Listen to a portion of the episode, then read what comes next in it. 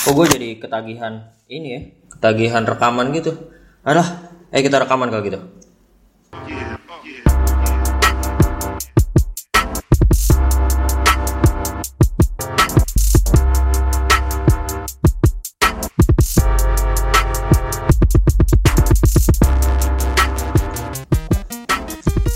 Hi again guys, uh, welcome to Subjective.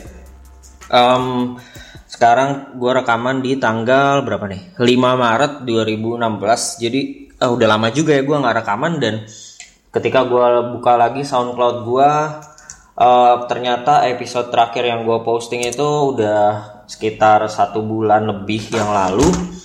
Dan bulan Februari kemarin emang gue lumayan Uh, gue kayaknya gue merasa gue lagi ada di titik yang sangat tidak produktif karena gue juga um, melakukan pekerjaan-pekerjaan gue dengan tidak efektif gue menghabiskan banyak waktu dengan tidak produktif dan um, gue juga akhirnya tidak menghasilkan rekaman apa pun selama bulan Februari kemarin.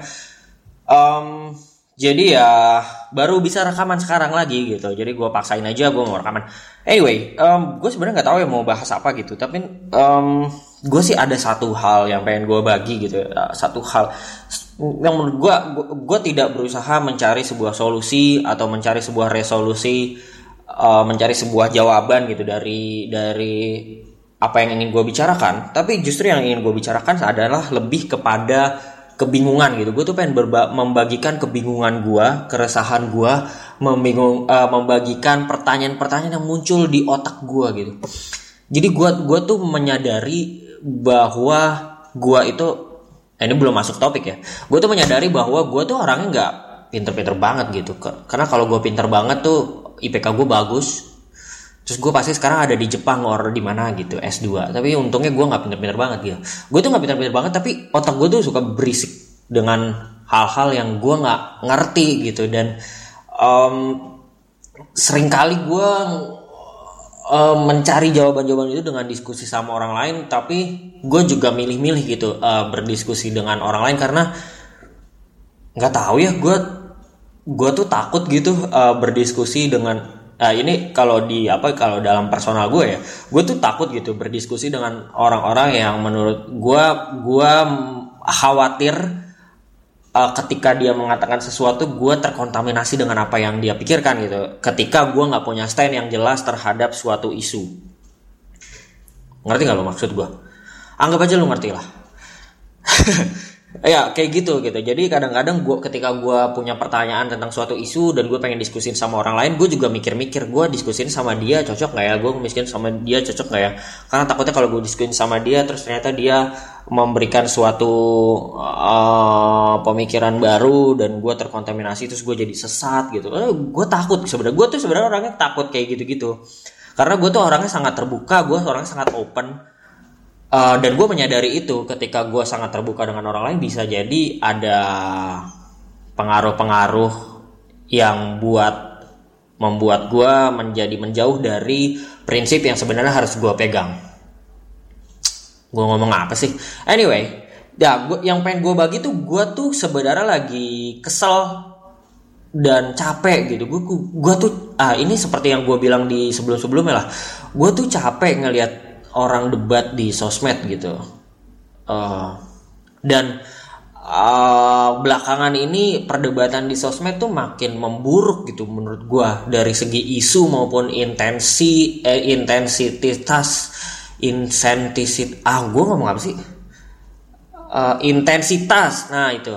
Da baik dari segi topik dari segi intensitas dari segi um, apa namanya aura-aura uh, yang dikeluarkan tuh makin lama makin negatif gitu. Gue tuh males gitu.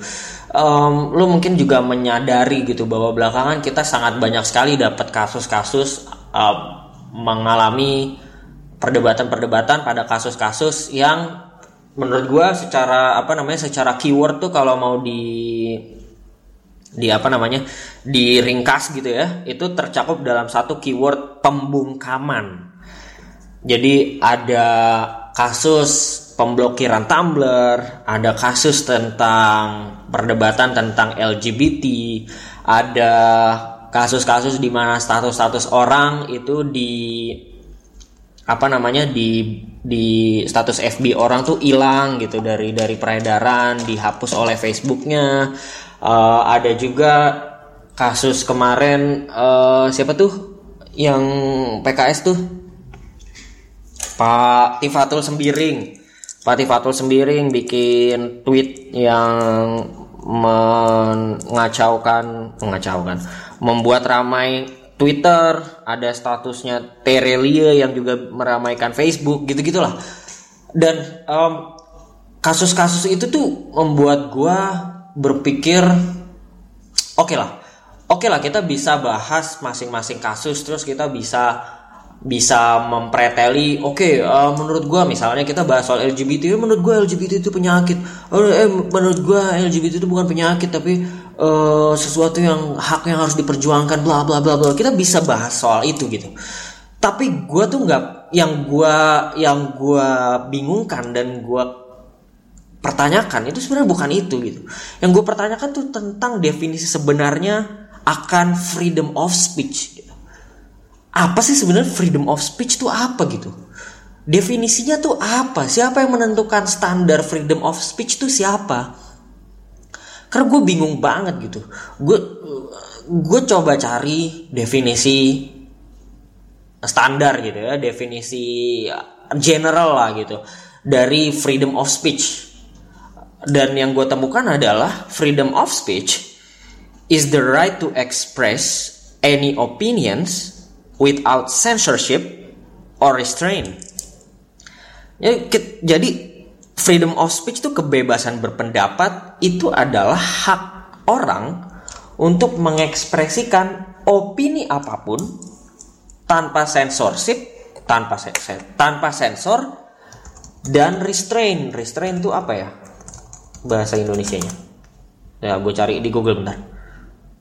Restrain, a measure or condition that keeps someone or something under control or within limits. Oke, okay uh, batasan lah berarti ya. Jadi sebenarnya freedom of speech atau kebebasan berpendapat itu adalah hak orang untuk mengekspresikan opini apa pun tanpa disensor ataupun dibatasi. Nah, tapi menurut gua definisi ini pun di dalam tanda kutip diperkosa di sana di sini gitu.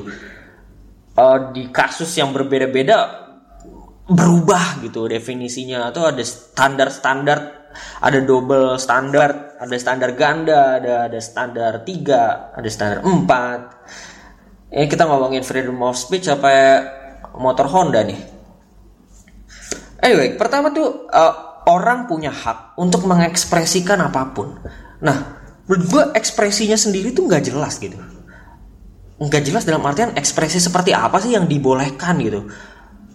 Kapan waktunya gua disebut mengemukakan pendapat? Kapan waktunya apa yang gua omongkan itu disebut hate speech gitu? Nah itu ah gua ah fuck gua nggak ngerti gitu. Yang kayak gitu-gitu tuh gua nggak ngerti banget gitu. Terus any opinions tuh opini apa sebenarnya yang bisa apakah semua opini beneran kita bisa ngomongin kita bisa omongin secara gamblang gitu tanpa sensorship. Siapa sebenarnya yang berhak melakukan sensor gitu? Dan ketika dia melakukan sensor itu atas dasar apa? Atas standar apa? Karena gini, karena standar-standar kalau kita bicara soal sosiologi atau antropologi gitu ya. Uh, budaya itu kan hasil kesepakatan antara masyarakat gitu. Gue kasih contoh misalnya, um, ini kita bicara budaya ya. Budaya dalam cakupan um, ras gitu. Uh, apa sih suku-suku gitu ya. Budaya-budaya lokal lah gitu. Kita nggak bicara agama nih ceritanya. Nah let's say kalau di Sunda uh, ayo kita ngomong makanan deh. Kalau di Sunda teh itu ketika gue minta Kang minta teh Nah, kalau lu nggak minta ada spesifik apa pun, teh yang keluar tuh pasti teh tawar gitu. Karena kesepakatan budaya orang Sunda, teh itu adalah teh tawar, nggak ada gulanya. Tapi kalau lu di Jawa, lu bilang, Mas minta teh. Nah itu yang keluar pasti teh manis. Pasti ada gulanya gitu. Sama ketika lu di Banjarmasin, tempat gua lahir, ketika lu minta teh, pasti yang keluar teh manis gitu. Kecuali lu harus bilang tehnya nggak pakai gula gitu. Atau kalau di Sunda, Kang tehnya tambahin gula gitu. Nah itu kan budaya kesepakatan gitu ya. Itu yang menjadi standar bahwa teh di Sunda itu tawar, teh di Jawa itu manis. Nah tapi apa jadinya kalau gue minta teh manis, ah nggak salah, ini hapus saja. Ya itulah, jadi ada standar sebenarnya. Dan standar itu kan beda-beda gitu ya. Kita tuh nggak bisa menyamakan standar satu Indonesia gitu makanya itu sebenarnya yang gue bingungkan. Itu yang gue bingungkan gitu. Dan uh, kalau kita bicara seni misalnya misal kita bicara seni lah. Uh, yang salah dari yang menurut gue yang yang semakin memperburuk keadaan kita di sosmed sekarang itu adalah bahwa semua orang tuh merasa dirinya pintar. We think we are smart uh, yang mungkin bagi beberapa orang benar gitu. Buat orang yang pintar yang merasa dirinya pintar ya dia benar gitu. Tapi kan ada juga orang-orang goblok yang merasa dirinya pintar. Jadi salah dong. Um, nah tapi menurut gue itu nggak ada masalah deh. Oke okay lah, lu merasa diri lu pintar. Tapi sekarang hampir semua orang ketika merasa dirinya pintar itu uh, langsung action setelahnya adalah menganggap orang lain goblok. We think we are smart, and and and the exact time we think other people are dumb. Which is actually not true gitu. Ketika lo merasa diri lo pintar ketika lo merasa diri lo pintar kan nggak otomatis lo bisa bilang bahwa orang lain yang berbeda dengan lo itu goblok. Bener gak sih? Tapi yang sekarang orang yang sekarang oh, semua orang lakukan tuh itu gitu. Mereka merasa dirinya pintar apa yang mereka perbicarakan tuh benar terus merasa semua orang lain goblok. Nggak orang Islam nggak orang Kristen nggak orang Hindu nggak orang liberal nggak orang sekuler nggak orang agamis nggak orang sosialis nggak orang komunis semuanya kayak gitu. Semuanya kayak gitu. Kalau orang komunis bilang oh ya komunis ini benar bla bla bla dia akan bilang bahwa orang Islam goblok. Kalau orang Islam bilang oh iya iya uh, ini Islam yang benar orang yang lain tuh kafir goblok. Hah, capek gua. Karena itu nggak bener men nggak benar oke lah kita punya kadar kebenaran yang kita yakini gitu. Tapi ketika kita meyakini kadar kebenaran itu itu kan nggak otomatis kita bisa bilang keyakinan yang orang lain yakini itu goblok. Iya nggak sih? Gue akan mulai dari seni lah. Oke lah kalau kita bicara soal seni gitu. Ketika lu suka jazz ketika lu suka musik jazz dan menurut lu musik jazz adalah the true definition of music lu kan nggak bisa otomatis bilang bahwa orang yang suka dangdut tolol Iya gak sih? Lu kan gak bisa otomatis bilang bahwa musik dangdut tuh sampah. Atau kalau orang-orang yang suka Taylor Swift gitu. Oke lah ada orang-orang yang suka Taylor Swift. Tapi kan gak berarti karena lu suka Taylor Swift terus lu jadi berkelas. Dan lu otomatis bisa bilang bahwa orang-orang yang suka Ayu Ting Ting itu kampungan. Dan musiknya sampah. Kan gak gitu. Itu kan cuma perbedaan preferensi gitu. Perbedaan keyakinan gitu. Perbedaan sistem belief belief system lo terhadap musik gitu. Buat sebagian orang ya musik tuh harus menenangkan, harus membuat kita jadi terinspirasi, let's say. Ya buat mereka buat orang-orang yang seperti itu ya ya udah mungkin mereka suka dengan musik jazz gitu atau musik pop. Tapi ada sebagian orang yang hidupnya susah, dia udah punya banyak banget masalah dalam hidupnya dan dia pengen musik tuh jadi sesuatu yang menggembirakan dia yang bikin dia bisa mengelupakan semuanya dengan berjoget riang dan sebagainya yaitu orang-orang dangdut gitu. Dan ketika mereka suka dangdut dengan alasan itu kan bukan berarti mereka tolol. Iya kan? Nggak berarti karena jazz musiknya apa rumit gitu ya berarti orang-orang yang lebih pintar daripada orang-orang dangdut. Kan nggak gitu Nah menurut gue hal yang sama tuh terjadi pada kasus-kasus yang tadi gue sebutkan gitu. Kayak gue tuh, ah gue tuh marah banget sih. Kalau kasus yang Terelia kemarin tuh gue, aduh gue marah banget. Gue marah pada banyak level gitu. Gue tuh marah dalam banyak level. Karena, oke okay lah, pertama gini. Pertama statusnya gitu Uh, ini kita ngomongin tulisannya yang soal sejarah itu ya, yang sejarah yang ada nggak sih? Uh, eh, gue lupa redaksinya gimana. Um, tapi yang ada nggak sih orang yang komunis, sosialis, bla bla bla itu liberal berjuang? Uh, ah, biar nggak salah gue cari dulu deh.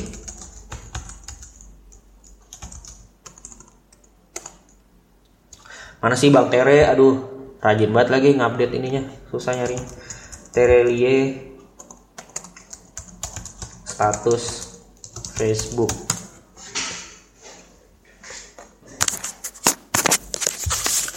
Ku ingin kau tahu diriku di sini menanti dirimu. Nah ini nih nih. Ya statusnya Terelie. Indonesia itu merdeka karena jasa-jasa tiada tara para pahlawan yang sebagian besar di antara mereka adalah ulama besar juga tokoh-tokoh agama lain. Orang-orang religius beragama. Apakah ada orang komunis, pemikir sosialis, aktivis HAM, pendukung liberal yang pernah bertarung hidup mati melawan serdadu Belanda, Inggris, atau Jepang? Silahkan cari. Uh, nah, menurut gue emang oke, okay, oke okay lah statusnya itu kontroversial gitu. Emang emang mancing-mancing perdebatan gitu ya. Uh, dan gue yakin ketika Terelio menulis dan mempublish ini pun dia sudah menyadari bahwa ini akan memberikan kontroversi gitu memunculkan kontroversi. Nah um, cuma yang gue nggak suka adalah tadi gitu.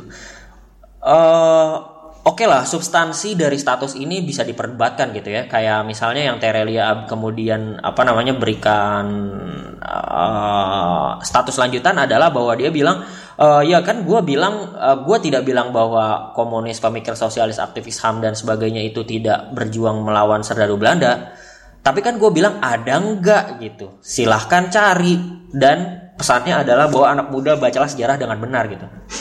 Um, itu bisa diperdebatkan menurut gue. Tapi yang gue sangat sesalkan dan gue kesel adalah bahwa reaksi orang-orang tuh anjing lebay banget gitu. Menurut gue lebay dan dan goblok gitu. Dan gue melihat banyak orang-orang pinter di Twitter yang jadi goblok gitu. Menyikapi ini. Uh, goblok dalam artian tidak bijak gitu. Uh, yang uh, indikasinya balik lagi tadi. Ketika mereka merasa bahwa apa yang Terelia katakan itu tidak sesuai dengan yang mereka percayai mereka dengan mudahnya bilang bahwa Terelia tuh goblok gitu. Nah gue tuh nggak ngerti di sini ya karena kita balik kalau kita balik ke freedom of speech ini let's say gini deh, Tere, ini ada Terelia terus ada orang liberal, ada orang komunis gitu ya. Lalu pas Terelia keluar, orang liberal sama orang komunis ini kan langsung hujat Terelia. Eh lu goblok lu, baca sejarah yang bener dong. Goblok banget sih ini Terelia. Nah, menurut gue di sisi itu tuh udah udah salah gitu. Kenapa orang dengan mudahnya bisa bilang orang lain goblok gitu? Itu aneh banget menurut gue. Um, terus sampai ada gerakan uh, patungan kasih Terelia buku gitu. Nah terus yang banyak yang bilang juga Terelia penulis karbitan, Terelia penulis kelas novel. Ah kayak ah maksudnya apa? Kayak kenapa lu jadi ngatain Terelia penulis kelas novel gitu? Emang ada kelas kelas apa gitu? Emang penulis tuh ada kelas-kelasnya? Ada strata-stratanya? Nggak ada lah Terus lu pikir bilang dengan bilang penulis kelas novel tuh berarti penulis kelas novel tuh otaknya cemen gitu.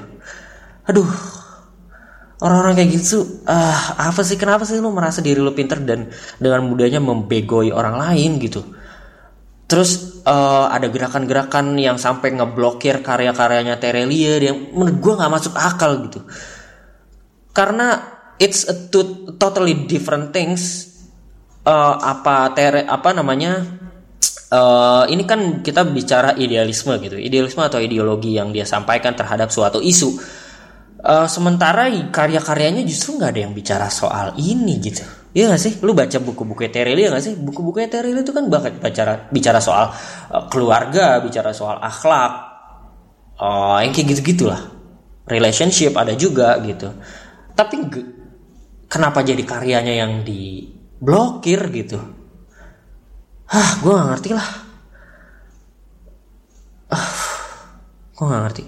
Dan ah, yang gue ah balik lagi yang gue gak ngerti adalah bahwa semua orang merasa dirinya paling pinter dan dengan mudahnya membuat orang lain jadi goblok gitu.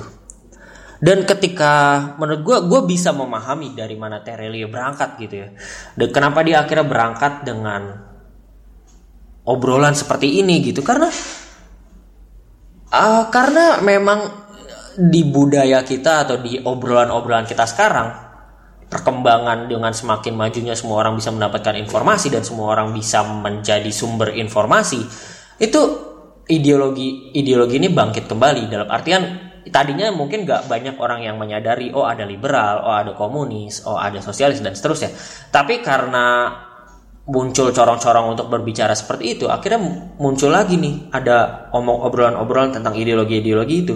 Dan uh, Terelia mungkin ber, berangkat dari bahwa uh, kok orang-orang agamis orang-orang beragama di zaman sekarang itu dianggap goblok gitu. Padahal kalau kita lihat zaman dulu tokoh-tokoh kita itu banyak yang beragama yang memperjuangkan Indonesia itu banyak yang uh, memperjuangkan Indonesia juga dengan atas nama agama gitu. Jadi uh, baik itu apa namanya mungkin dia juga adalah ustadz gitu ya uh, atau tokoh agama seperti ya gue nggak tahu sih gue nggak nggak begitu kenal sejarah gitu uh, seperti tokoh-tokoh agama Islam gitu tapi kan ada juga tokoh-tokoh yang dia juga tokoh agama Kristen misalnya yang juga berjuang gitu. Dan orang-orang yang beragama dianggap di zaman sekarang itu dianggap sebagai orang yang tolol. Nah ini juga yang ini juga yang membuat gue sangat resah gitu.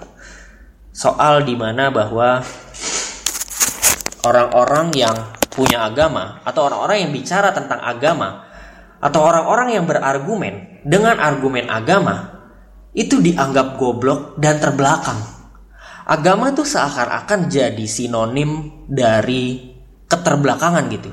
Dan semakin lo meninggalkan agama, semakin lo bergerak ke arah yang maju gitu, ke arah modern. Kita tuh ada di zaman itu gitu. Lo lo menyadari itu gak? Kayak kita tuh gue eh, gue muslim gitu ya. Dan di di zaman ini tuh muslim yang rajin sholat itu tuh aneh gitu. Dan lucu gitu lucu. Jadi jadi orang yang lucu gitu ya gak sih? Kayak uh, wih rajin banget lu sholat lu gitu. Eh gitu gitulah aduh. Terus orang-orang yang berkerudung panjang juga dianggap kampungan dianggap tidak punya kapasitas yang sama seperti orang-orang yang berpakaian biasa dalam tanda kutip atau orang-orang yang bercadar orang-orang yang jenggot panjang itu dicap sebelum tak diketahui apa arti mereka gitu. Dan ketika gue mengatakan ini, oke okay lah, lu bisa bilang bahwa gue bias karena gue muslim. Tapi ah, gue nggak tahu. Ini pun bisa didiskusikan ya. Tapi gue sangat merasakan standar ganda gitu. Kenapa orang Islam? Oh, aduh, gue aduh ini tuh kebingungan yang gue tuh bingung banget jadi agak sulit gitu ngungkapinnya tapi oke okay lah kita kita coba kita coba oke okay, kita coba satu persatu oke okay? oke okay, pelan pelan gue ngambil minum dulu oke okay. oke okay. gue tuh nggak ngerti kenapa orang-orang yang ber, berpakaian identitas Islam uh, gue definisikan dalam jenggot panjang uh, terus boleh lah celana cingkrang gitu ya pakai baju koko atau kalau yang cewek pakai jilbab panjang atau cadaran nah kenapa orang-orang yang berpak berpakaian ber, uh, ber memakai pakaian identitas Islam itu didiskriminasi karena dianggap teroris. Sementara kalau kita ngejudge orang yang berpakaian tidak benar misalnya tidak benar dalam sudut pandang gue tentunya ya sebagai muslim. Misalnya orang yang pakai rok mini atau orang yang pakai tatoan banyak gitu itu tuh bisa ditoleransi. Gue ambil contoh dialog yang gue pernah merasakannya gitu. Ketika gue gue punya teman gue punya kenalan yang ketika gue atau orang-orang Islam agak sinis dengan um, atau apa ya bukan sini sebenarnya. Jadi kayak waktu itu ada cewek yang pakai rok mini, pakai baju yang buka-bukaan gitu deh, baju seksi. Terus uh, dia juga tatoannya ada banyak gitu. Dan gue yang kayak gue bilang sama dia yang um, wow, mbaknya nggak risih apa ya pakai rok mini gitu pakai baju yang kebuka-buka kan orang cewek cowok jadi ngeliatin. Gue bilang kayak gitu sama dia. Dan dia tuh yang langsung bereaksi keras gitu loh. Yang kayak iya bahasa gampang itu ya yes suka-suka dia dong. Badan-badan dia baju-baju dia yang pakai dia mau dia tatoan mau dia rok mini selama dia gak, gak ganggu orang lain ya kenapa lo harus protes? Dia langsung memprotes keras ke gue kayak gitu dan gue yang ah gue nggak jawab gitu. Gue gue kecewa oh oh iya sih. Dan gue nggak ngelanjutin obrolan karena gue nggak mau berdebat gitu. Tapi di sisi lain ketika kemudian dia ketemu gue lihat di sosmednya dan dia mengasih pendapat dia tentang orang yang cadaran ngapain sih orang cadaran? Orang tuh jadi nggak bisa lihat kali identitas lu siapa. Lu tuh jadi berbahaya kali untuk untuk security. Kita karena kita nggak tahu lu siapa. Terus kayak ngapain sih lu pakai jenggot panjang? Emang lu nggak bisa rapi ya jenggot tuh bisa dicukur kali dibenerin dirapiin orang untuk kerja kenapa lu mau jenggot panjang dan gue tuh langsung yang ah kok lu bego sih Kemarin lu bilang sendiri, itu kan badan-badan dia, jenggot-jenggot dia, baju-baju dia, suka-suka dia dong. Kalau kita bicara soal kebebasan, ya harusnya semua orang bebas lah. Dia mau ngapain? Lu minta gue untuk menghormati orang-orang yang pakai tatoan, orang-orang yang pakai rok mini dan seterusnya. Oke, gue hormati. Tapi itu juga berarti lu harus hormatin dong. Semua orang yang terserah dia mau pakai apa gitu. Kalau kita emang bicara soal kebebasan dan so bicara soal menghargai privasi orang lain, menghargai hak orang lain, ya lu harus menghargai apa pun yang orang orang pakai lu nggak bisa double standar kayak gitu dong iya nggak sih jangan mentang-mentang jangan karena kelihatannya orang yang pakai identitas agama tuh kelihatannya stereotip dengan apa gitu terus lu jadi nggak mau terus lu jadi menolak sementara kalau yang pakaiannya biasa aja yang pakaiannya menyalahi suatu adat atau menyalahi suatu budaya tapi tidak memberikan kesan agama apa pun, kesan yang bebas, kesan yang modern, yang barat-barat, lu tuh biasa aja. Namun gue double standard ini gitu yang yang gue nggak suka gitu dengan dengan apa yang terjadi pada kasus-kasus freedom of speech gitu. Atau kayak misalnya, ketika kita bicara soal bikin status tentang sesuatu gitu, kita bicara soal gue misalnya ada status yang bikin bahwa dia tidak setuju dengan LGBT gitu. Nah gue tuh bingung gitu ya. Karena menurut gue ketika seseorang mengomongkan opininya, bukankah itu freedom of speech? Tapi kenapa kemudian freedom of speech itu dianggap menginsult orang lain dan kemudian bisa di-erase gitu dari Facebooknya? Karena menurut gue hal yang sama juga dilakukan oleh orang yang berseberangan gitu. Ketika lu orang yang mendukung, let's say lu orang yang mendukung LGBT gitu. Ketika lu orang yang mendukung LGBT dan kemudian lu mengatakan bahwa orang-orang yang menganggap bahwa LGBT salah karena agama adalah orang-orang yang goblok, bukankah itu hal yang sama secara substansi? Bahwa lu juga menginsult orang lain, lu juga menyinggung orang lain, lu juga menyerang pendapat orang lain. Bukankah itu hal yang sama secara substansi? Kita nggak bicara konten ya, kita bicara substansi gitu. Kita bicara metode. Menurut gue metodenya sama gitu. Bukankah dua-duanya sama-sama head speech kalau kita bicara dua-duanya head speech gitu? Bukankah kedua-duanya sama-sama mengemukakan pendapat? Kapan pendapat gue bisa dengan bebas gue keluarkan?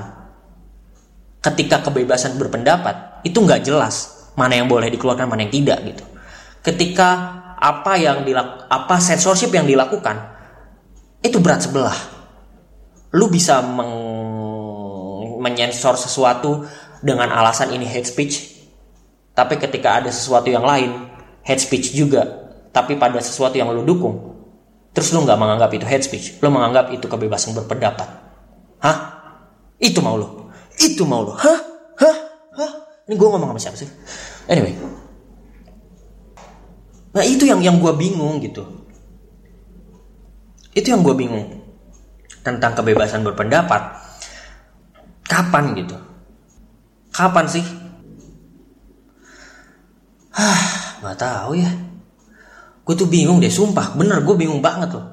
gue bingung banget um, karena oke okay lah kayak misalnya kemarin ya yang kasusnya tweet Tifatul Sembiring gue sih akan dari awal gue akan bilang bahwa Tifatul Sembiring emang bego aja gitu um, nah tapi gue nggak tahu tujuannya apa gitu ya. Kalau dari sisi dia dia pasti punya agenda gitu. Dan gue gue sangat yakin ketika dia pengen nge-tweet dia tuh udah tahu ini tweet tuh bakal memberikan kontroversi bahkan bakal bikin uh, di retweet orang di capture orang dan seterusnya dan jadi perdebatan gitu. Gue nggak tahu apakah dia memang sengaja melakukan itu untuk agenda tertentu.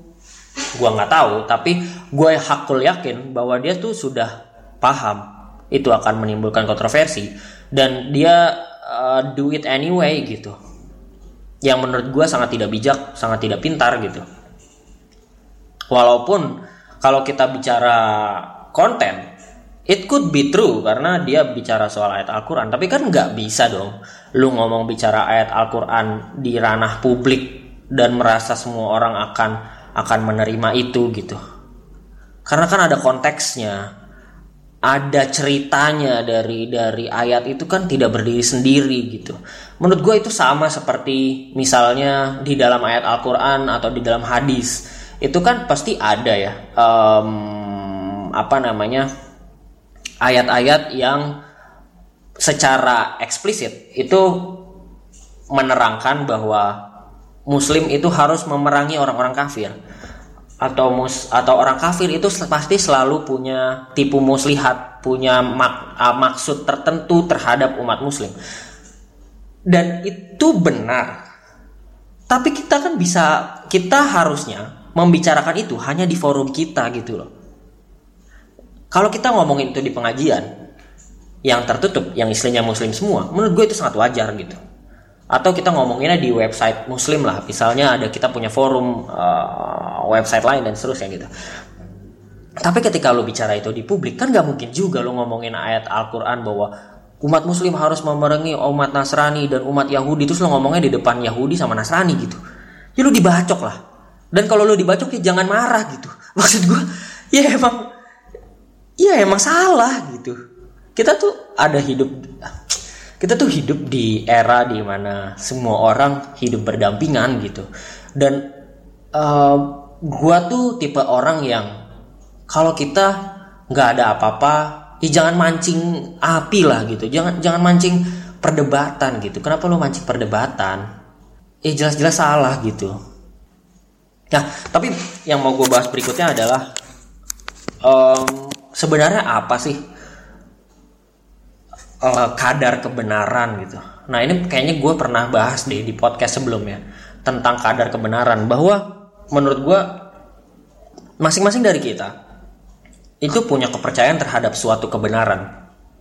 Misalnya, um, gue, karena menurut gue kebenaran itu relatif gitu kebenaran itu subjektif kita semua nih nggak ada kita ke semua orang kita kita ini semuanya adalah orang-orang yang subjektif yang punya posisi tertentu terhadap suatu isu gitu. Kita tuh nggak ada orang yang objektif truly objektif tuh nggak ada. Kita semua tuh disusun oleh kadar-kadar kebenaran yang kita yakini. Gue kan kasih contoh misalnya tentang definisi wanita cantik gitu ya. Definisi wanita cantik untuk misalnya untuk kebanyakan orang Indonesia definisinya adalah Raisa. Atau Dian Sastro gitu ya. Itu adalah definisi wanita cantik. Uh, ramping terus uh, muka cantik uh, rambut bagus dan seterusnya dan seterusnya gitu. Tapi kalau kita ngobrol sama orang Mesir um, Dian Sastro dan Raisa tuh nggak cantik. Buat orang Mesir, yang cantik itu adalah wanita yang berisi, badannya berisi. Agak-agak gemuk, agak-agak gempal gitu. Nah itu tuh baru definisi wanita cantik buat orang Mesir. Kalau kita bicara sama orang um, yang lain lagi, tentunya definisi wanitanya cantik lagi. Eh, definisi cantik nya tuh lain lagi gitu Kenapa? Karena masing-masing orang itu punya kadar kebenaran yang berbeda-beda tentang definisi cantik. Kita di Indonesia mungkin terbiasa dikasih image wanita cantik itu seperti itu, sehingga kita meyakini bahwa wanita cantik itu seperti itu, dan artinya wanita yang tidak seperti itu itu tidak cantik. Begitu pula dengan orang-orang Mesir. Nah, kadar kebenaran ini kan nggak bisa kita samain semua orang gitu, nggak bisa Gak bisa gitu. Gue tuh punya temen yang bilang bahwa Raisa tuh gak cantik men. Sumpah ada. Gue awalnya gak ngerti. Tapi pas gue ketemu sama dia, dia bawa istrinya, gue langsung paham gitu. Istrinya tuh beda aja gitu. Beda dari definisi cantik kebanyakan orang. Tapi dia bilang bahwa istrinya cantik of course. Ya gue di situ menyadari bahwa iya kebenaran orang tuh berbeda-beda gitu jadi sebenarnya kita tuh nggak bisa uh, pingin mengang, uh, ketika lu punya kadar kebenaran dan lu langsung ngejudge bahwa orang yang punya kadar kebenaran berbeda dari lu berarti dia tolol karena dia tidak mengerti kadar kebenaran lu, lu tuh udah salah. Itu harusnya nggak kita lakukan gitu. Itu harusnya nggak kita lakukan. Nah, gue tuh berpikir, apakah kalau kita memahami hal tersebut, Bisakah kita berhenti berdebat dan sepakat untuk tidak sepakat? Bisakah kita just stop the debate and just agree to disagree? I gue merasa itu adalah jawaban paling ideal walaupun dalam praktiknya itu hampir tidak mungkin bisa terjadi gitu uh, karena harusnya itu yang jadi. Ketika gue bisa menghargai bahwa gue tidak gue kontra dengan LGBT gitu. Gue tidak setuju dengan LGBT dan gue berangkat dengan argumen bahwa itu dilarang oleh agama gue let's say berhenti sampai di sana. Dan ada orang lain yang dia pro dengan LGBT karena dia berpikir bahwa itu adalah hak asasi dari orang tersebut Nah, bisa nggak gue tuh cukup mengerti aja? Oh, Oke, okay. gue paham kalau lo berangkat dari sana, tapi gue tetap dengan pendirian gue bahwa gue tuh tidak setuju dengan LGBT karena agama gue melarang. Bisa nggak gue bilang bahwa gue paham lo berangkat dari mana dan lo bilang bahwa lo paham gue berangkat dari mana dan kita selesai aja sampai di sini gitu. Tentu dalam konteks debat, uh, dalam konteks diskusi ya, dalam konteks diskusi karena menurut gue itu satu-satunya jalan sih. Karena nggak mungkin kan gue mengajak lu untuk memahami, masuk ke pemahaman gue. Karena kalau lu udah percaya banget sama kadar kebenaran lo ya, gue mau cerita sampai berbusa-busa juga lu nggak bakal kelar gitu. Begitu juga sebaliknya gitu. Gue mau bicara soal bahwa agama gue melarang, bahwa ini akan merusak akidah, ini akan merusak um, tatanan masyarakat lah akan berbahaya untuk anak-anak dan seterusnya dan seterusnya. Tapi kalau lu emang udah nggak percaya agama ya gue bisa bilang apa gitu? Ya nggak sih? Gitu. Jadi bisakah kita uh, agree to disagree? Bisakah kita berhenti lalu bilang oke okay, lakum dinukum waliyadin lu punya kebenaran gue punya kebenaran oke okay, berhenti sampai di sana gitu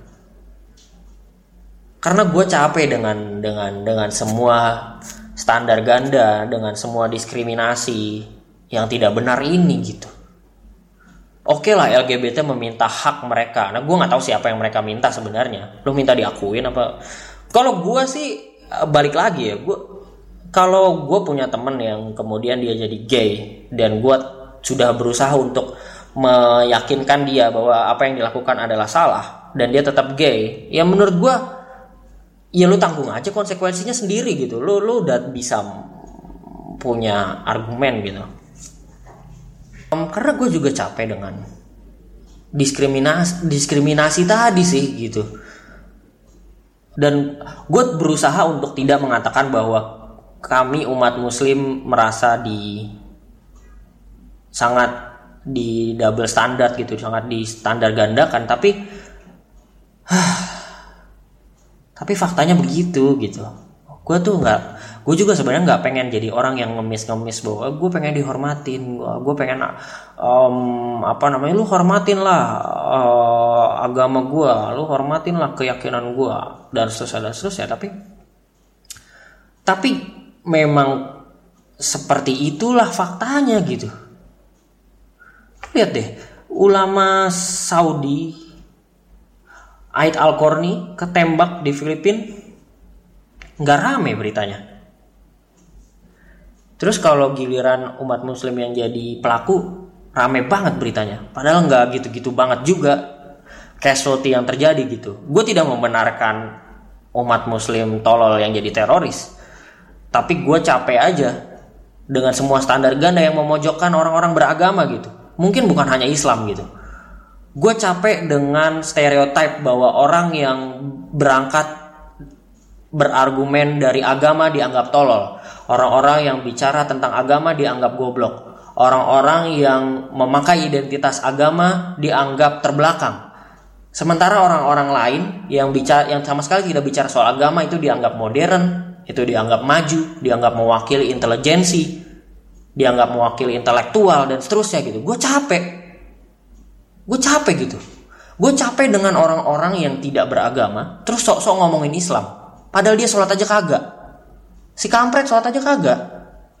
Ngomong sosok ngomongin Islam, sosok ngerti Islam. Tapi dia ngomongin Islam kalau Islam lagi dijatuh, lagi lagi terpojokkan aja dia baru nongol. Kalau enggak ya dia nggak bakal ngomongin Islam gitu. gue tuh capek dengan semua ini dan gue nggak punya jawaban. Gue nggak punya solusi. Gue nggak lu bisa bilang gue mungkin cuma meracau tapi apa yang gue rasakan apa yang gue ceritakan itu semua nyata gitu. Itu semua nyata. Ceritakan sama gue apa yang gak nyata lu bilang sama gue gak ada. Semua yang gue ceritakan itu nyata tapi gue nggak tahu jawabannya apa gimana gue harus bersikap gimana gue tetap gue tuh pengen jadi muslim yang tetap menjaga toleransi tetap menjaga hubungan baik dengan siapa pun tanpa menyakiti siapa pun. Tapi gue juga pengen jadi jadi jadi orang yang bisa berpendapat bebas dan dihargai pendapatnya gitu. Dihargai sebagaimana lo menghargai orang-orang lain yang berpendapat tanpa dasar agama gitu gue tuh pengen kayak gitu yang gue nggak dapat sampai sekarang.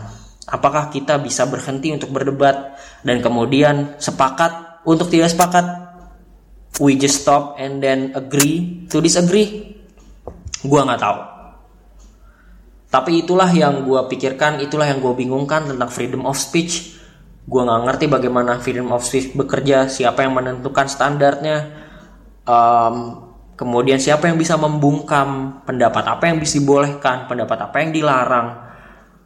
Standar ganda yang terjadi ketika ada satu hal ketika ada dua hal yang punya substansi sama tapi diperlakukan dengan cara yang berbeda karena kontennya. Dan ketika semua orang merasa diri mereka benar dan automatically menganggap bahwa orang lain yang berpendapat berbeda dengan mereka dianggap tolong itulah keresahan-keresahan gue hari ini. Aduh uh, leher gue sampai seret banget gue udah minum berapa kali. Uh, thanks for listening.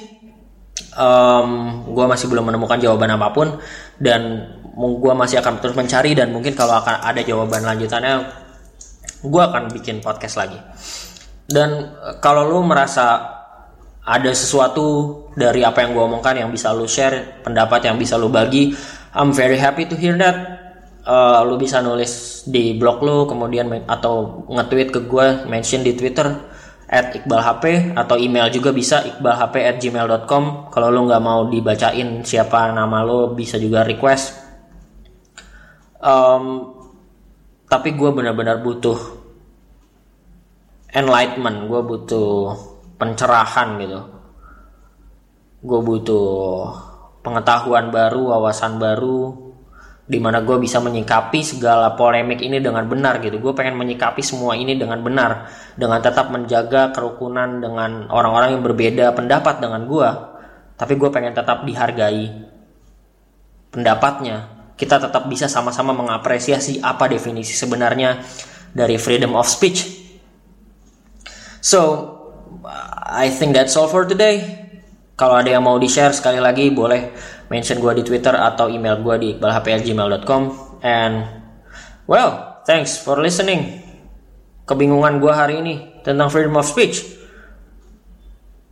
Thank you. And jangan lupa jangan pernah berubah, jangan pernah jadi objektif. Please be subjective.